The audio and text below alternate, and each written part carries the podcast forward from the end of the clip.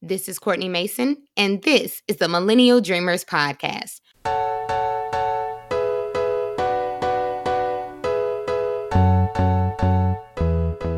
Welcome back, friends. This is a super quick episode. I won't even call it an episode, really, because I'm just zipping in and out to formally introduce a segment or series entitled Millennial Marketplace.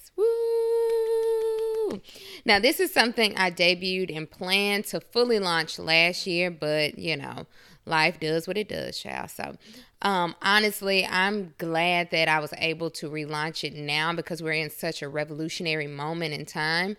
And this is one of many ways that I can do my part and use my voice. So, what is the Millennial Marketplace?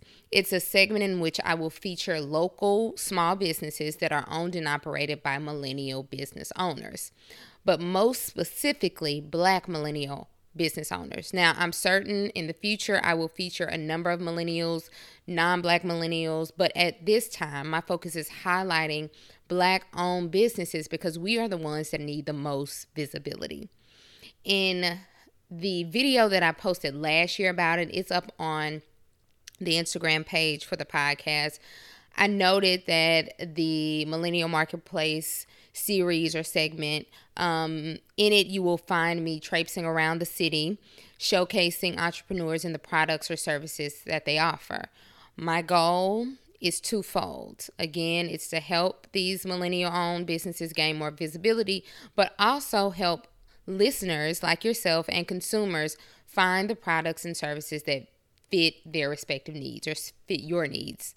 Um, so if you're looking for a dope restaurant, a physician, a tutor for your kids, a photographer, um, anything really, I want you to be able to check Millennial Marketplace videos and see the work of some of these creatives and business owners so you can, you know, determine if what they offer will be useful for you and you can in turn support them so that we can then have uh, more growing businesses within our community.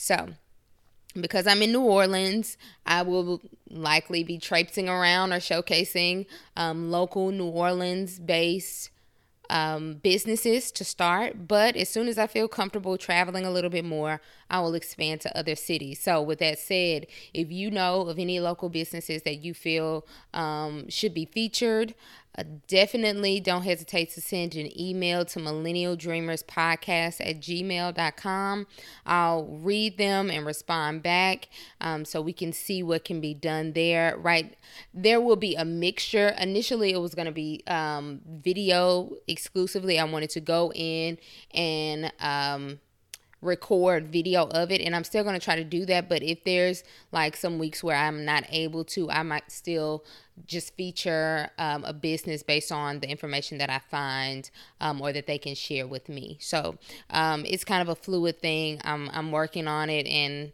you know it might change in different ways but um, right now this is what I intend to do. So we have two features that are already live now over on our um, Instagram page and also up on YouTube. One video is up on YouTube, but the first is an oral hygiene brand, Genetix, um, which was founded. Uh, I'm sorry, I've said that incorrectly. Genetics, which was founded by my friend and who's also the brainchild of the Millennial Marketplace series. I must add that Matakwa Anderson.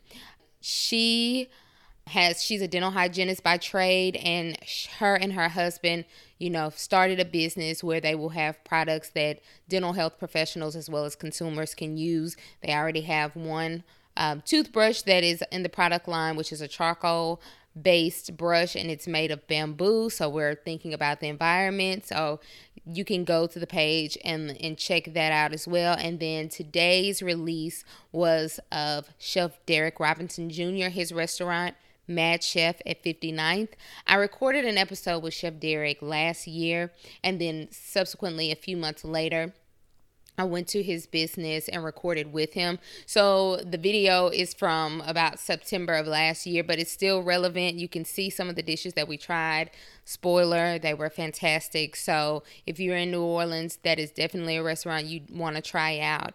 And so, um, yeah, I'm, I mean, I'm excited about it. Millennial Marketplace will be featured on Tuesdays, and the regularly scheduled podcast episodes will be released on Thursdays as normal. So that's the format for now. And if anything changes, I'll be sure to let you know. But I'm very excited about this, and I can't wait to help highlight and showcase other black owned business owners and, and what they're offering. So that's all I have for this quick tidbit, and I hope you have a fantastic remainder of your week.